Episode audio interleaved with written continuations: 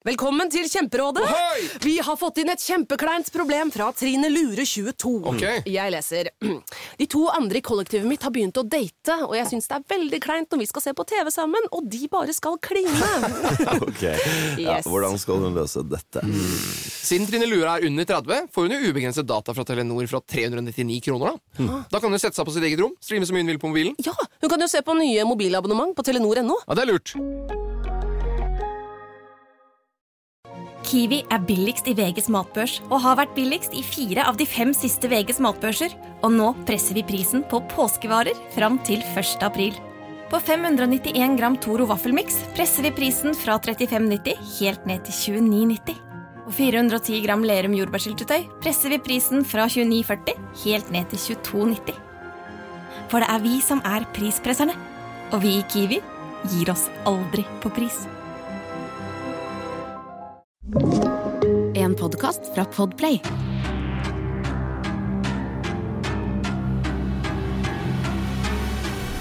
Hei og velkommen til Forsvinningsfredag podkast. Denne episoden kan være veldig skremmende for enkelte lyttere, så dersom du er yngre eller sensitiv, så vil jeg anbefale deg å lytte til episoden med en voksen du stoler på, eller skru av.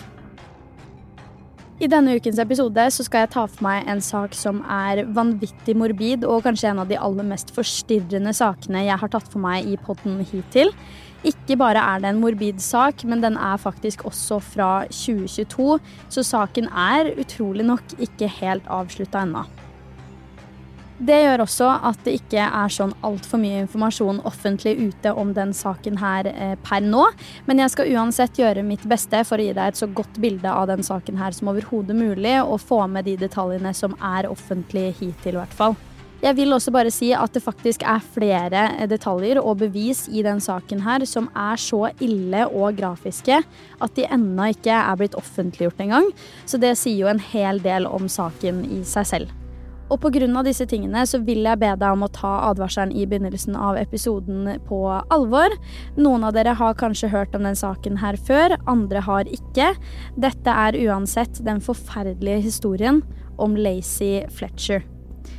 Først så kan jeg forklare deg litt om Lacey. Lacey Fletcher var en 36 år gammel dame fra byen Slaughter i Louisiana, så det her starter jo ikke så veldig bra med en by med det navnet, liksom. Men hun bodde da uansett med foreldrene sine, som da heter Clay og Sheila Fletcher. Foreldrene var begge to oppvokst veldig religiøse, og dette her tok de også med seg inn i deres voksne liv ved å gå til kirken hver eneste søndag, og det her var en kjent sak for alle i nabolaget. Generelt blir Lacey beskrevet som en ganske normal og livlig jente som spesielt var interessert i volleyball og Disney-filmer. I sine tidligere år hadde hun faktisk spilt volleyball på skolelaget til Brownsville Baptist Academy, som da var skolen hun gikk på, og gjorde det ganske bra der. I tillegg til å være en livlig jente, så blir hun også omtalt som en veldig omsorgsfull jente, og som en person som alltid vil få andre til å føle seg velkommen. Visstnok har flere faktisk forklart at Lacey var en av deres første venninner, fordi hun alltid var så inkluderende og gjorde alltid det lille ekstra og var kjempesnill. Alt i alt så er hun jo da en snill og omtenksom person. Det er det de aller fleste vil beskrive henne som. Lacey ble også diagnostisert med både sosialangst og alvorlig autisme, som resulterte i at hun i 9. klasse var nødt til å ha hjemmeskole på fulltid i stedet for fysisk oppmøte. Dette her skjedde da rundt 14-årsalderen, fordi at autismen hennes rundt denne tiden så ut til å forverre seg. Så tenker jeg at vi kan gå inn i den delen av saken som er grunnen til at vi nå kjenner til historien om Lacey Fletcher. La meg ta deg tilbake igjen til 3. januar 2022. Klokka er nå rundt to på natta 3. januar 2022, og politiet får nå en telefon fra Sheila Fletcher, altså moren til Lacey, hvor hun forklarer at datteren hennes har slutta å puste. Politiet sender da en patrulje til stedet, men umiddelbart da de kommer frem, så blir de så sjokkerte at de nå tilkaller rettslegen dr. Ewell Bickham umiddelbart. Dette er uttalelsen dr. Bickham hadde om hendelsen, oversatt til norsk. Jeg åpna døra og gikk inn i huset. Og det var en stank, en lukt av avføring og urin. Du klarte ikke å holde pusten. Ikke bare var det rettslegen som var sjokkert over synet han ble møtt av på denne adressa, men som nevnt så ble også politiet som først ankom stedet, kraftig sjokkerte. Lensmannen uttalte faktisk at han har jobba i dette feltet i mange år og hatt haugevis av saker i distriktet han jobber i, som har vært grusomme og forferdelige på sin måte, men dette tilfellet var verre enn han noen gang hadde opplevd. Jeg er faktisk nødt til å gi deg enda en advarsel før jeg går videre inn i hva eh, politiet og rettslegen ble møtt av. Vær så snill, ta advarselen i begynnelsen av episoden på alvor, da det her er veldig, veldig grafisk innhold, og noe jeg selv aldri har hørt om fra før av. Det politiet og rettslegen blir møtt av, er 36 år gamle Lacey Fletcher som ligger død på sofaen, men det er ikke helt så enkelt som det heller. Når de ser nærmere på liket, så ser de at huden hennes har smelta inn i sofaen, og Lacey er tildekket i sin egen avføring og urin, samt mark og masse sår så dype at de gikk helt inn til skjelettet hennes. Rettslegen er jo nødt til å gjøre undersøkelser av det her, og han kom frem til at den eneste måten kroppen til Lacey kan ha vært i den tilstanden her på, er at hun ikke har beveget seg fra posisjonen hun satt i, på nesten tolv år. Lacey Fletcher hadde ikke engang vært hos en lege siden 2010, og da var hun 16 år gammel, men da hun ble obdusert, testa hun faktisk også positivt på korona, selv om hun faktisk ikke hadde vært ute av huset på nesten 15 år. Jeg skal spare deg for alle de verste detaljene fra obduksjonsrapporten, fordi det er noe av det ekleste og mest forstyrrende jeg har lest. Men du kan jo tenke deg hvordan ting står til med kroppen etter å ha sittet på samme sted i en sofa i nesten tolv år, og man har vært nødt til å gjøre fra seg akkurat der man sitter uten å kunne røre en muskel. Altså, det er verken et pent syn eller en fin obduksjonsrapport, så jeg tenker at vi bare holder det til det jeg har forklart hittil. 20 nye sparetips hos Kiwi. Mitt sparetips er nyheten fra First Price. Store tortillalefser. Garantert billigst i Kiwi. Nå får du First Price store tortillalefser til 29,90. First Price kjøttdeig av svin uten salt og vann til 29,90. Og mange andre First Price-nyheter hos Kiwi.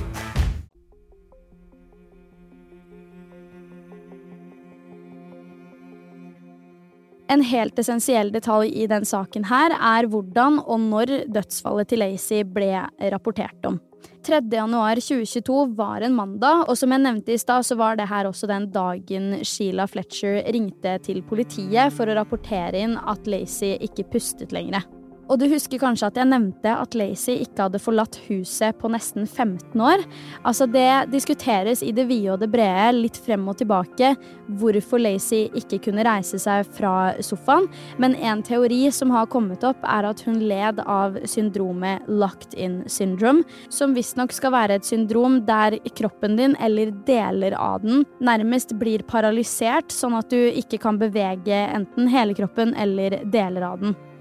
På den andre siden så er det en av rettslegene i saken som har uttalt at han aldri engang har hørt om det syndromet her. Han skjønner ikke hvor det har kommet fra, eller hvem som kom opp med det. Men det vi uansett vet, er at Lacey selv ikke klarte å komme seg opp fra sofaen, og at hun på en eller annen måte var låst i en posisjon der hun sitter med beina på en måte under seg i en sånn kryssposisjon. Jeg håper dere skjønner hva jeg mener. Så med det i bakhodet Sheila og Clay rapporterte om Lacey mandag 3.1 etter at de faktisk nettopp hadde kommet hjem fra en helgetur. En helgetur hvor datteren deres, som ikke kan bevege seg for å hente verken mat eller vann, er helt alene hjemme i huset deres. Hun har ikke bevegd på seg. Dette er jo da det eneste tilfellet vi kjenner til etter nesten tolv år bundet til sofaen for Lacey sin del, men det kan jo umulig være det eneste tilfellet hvor foreldrene har dratt på en helgetur og bare latt hun være igjen hjemme. Det har jeg veldig vanskeligheter med å forstå, jeg veit ikke hva dere tenker. Som jeg nevnte, så hadde jo ikke Lacey på dette punktet vært ute av huset på rundt 15 år, og naboen Robert Blades hevder at Lacey skal ha virka helt normal sist han så henne. Det var da rundt 15 år siden, da han så henne trene med noen frivekter utafor huset til henne og familien hennes, da hun var i tidlig 20-årene. Han har gjetta at hun var sånn 21. Denne mannen skal visstnok også ha spurt faren til Lacey noen år senere hvor Lacey er, om hun har begynt på universitetet, om hun har gifta seg og flytta av gårde, eller hva som helst. Og svaret til faren var da at Lacey fremdeles bodde hjemme, og at hun hadde det kjempefint der, før han veldig raskt bytta tema. Og denne personen som da spurte om dette her, altså Robert Blades, han hadde jo ikke noe grunn til å mistro Clay Fletcher i det hele tatt, så han tok bare det han sa for god fisk, og lot det bare gå. Men i ettertid så skjønner han jo at det var noe mye, mye mørkere bak svaret hans. Så dødsårsaken til Lacey er veldig, veldig sammensatt, som du helt sikkert kan se for deg. Patologen som undersøkte liket hennes, fant ut at Lacey led av akutt medisinsk omsorgssvikt, som gikk helt tilbake til 2010. Dette leda videre til kronisk underernæring, akutt sult, immobilitet, akutt sårdannelse og osteomyelitt, jeg tror det er sånn du uttaler det. Kort fortalt så er det uansett en bakteriell infeksjon i bein eller da skjelett. En ting mange har bemerka seg når det kommer til den saken her, etter å da ha gått dypere inn i det, er det faktum at moren til Lacey, altså da Sheila Fletcher, selv jobba for flere myndigheter som kunne ha hjulpet Lacey slik at dette her veldig, veldig fint kunne vært unngått. Tidligere jobba nemlig Sheila som politi og rettssekretær i byen Baker, som lå like i nærheten. Litt etter det jobba hun som assistent for aktoren i Zachary, som også lå like i nærheten. Og faren, altså da Clay, jobba også frivillig i veldedighetsorganisasjonen Baton Rogue Civil War Roundtable. Dette er da en organisasjon som hadde som mål å fremme en forståelse for flere av de ofringene som ble gjort under borgerkrigen. Kun basert på hva de begge to hadde jobba med tidligere, og det de fremdeles jobba med når liket til Lacey ble oppdaga, så ville man jo antatt at dette her var to veldig omsorgsfulle og empatiske mennesker, men det virker jo ikke helt sånn når de ikke gjorde noen ting for å hjelpe den stakkars datteren deres, som heller ikke klarte å hjelpe seg selv. Jeg personlig syns jo det her er helt utrolig merkelig, i hvert fall når du har ressursene og kontaktene eh, til å kunne hjelpe datteren deres. De hadde jo ikke engang trengt å jobbe innenfor disse yrkene på noe som helst tidspunkt for å kunne ha de ressursene. Altså, de er jo tilgjengelige for alle, men de hadde kanskje en enda lettere inngang til det, da. Foreldrene ble jo da umiddelbart sikta i saken og deretter varetektsfengsla, da det ikke var noe tvil om at de enten delvis eller helt var ansvarlige for dødsfallet. Når det kommer til dommen i den saken her, så er det litt forskjellig info der ute, men det nyligste jeg har klart å finne, er at begge foreldrene er dømt til livstid i fengsel uten mulighet for prøveløslatelse. Det kan være at det ikke stemmer, fordi dette er en veldig veldig ny rettssak, og det er som sagt bare den nyligste jeg har funnet. Andre steder står det at de fremdeles er i varetekt og venter på dommen sin. Selv så har jeg heller ikke klart å finne noe særlig info om hvordan foreldrene har reagert på det her, eller hva de mener om saken. Antageligvis fordi at saken er såpass ny og alle detaljer som sagt ikke er offentliggjort eh, foreløpig, i hvert fall. Og det er jo ofte det man ser, at folk uttaler seg enten et år etterpå eller sånne ting som det. Og det her er jo en veldig ny sak, men foreløpig så er det i hvert fall ikke noe info der ute om hva de tenker eller mener eller har sagt til advokatene sine. Så dette her er virkelig, virkelig en av de aller mest morbide sakene jeg noen gang har uh, hørt om, og det er en sak som virkelig gjorde at jeg fikk skikkelig trykk i brystet, klump i magen og var skikkelig ubekvem når jeg gjorde research til den. Og i denne episoden så har jeg til og med prøvd å filtrere ut de aller, aller verste detaljene, rett og slett fordi de er så brutale å høre på. Så som sagt tidligere så finnes det mer info der ute om obduksjonsrapportene.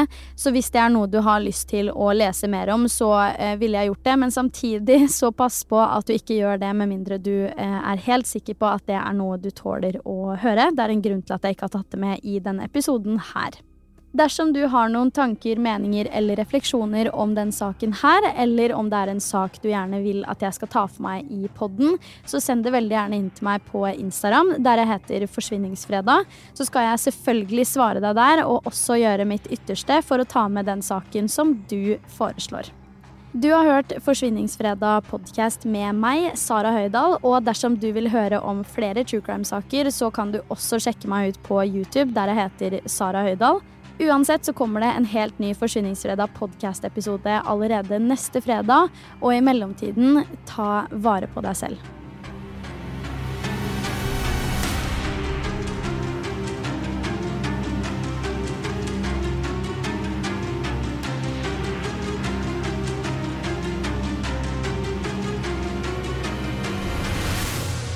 Du har hørt en podkast fra Podplay.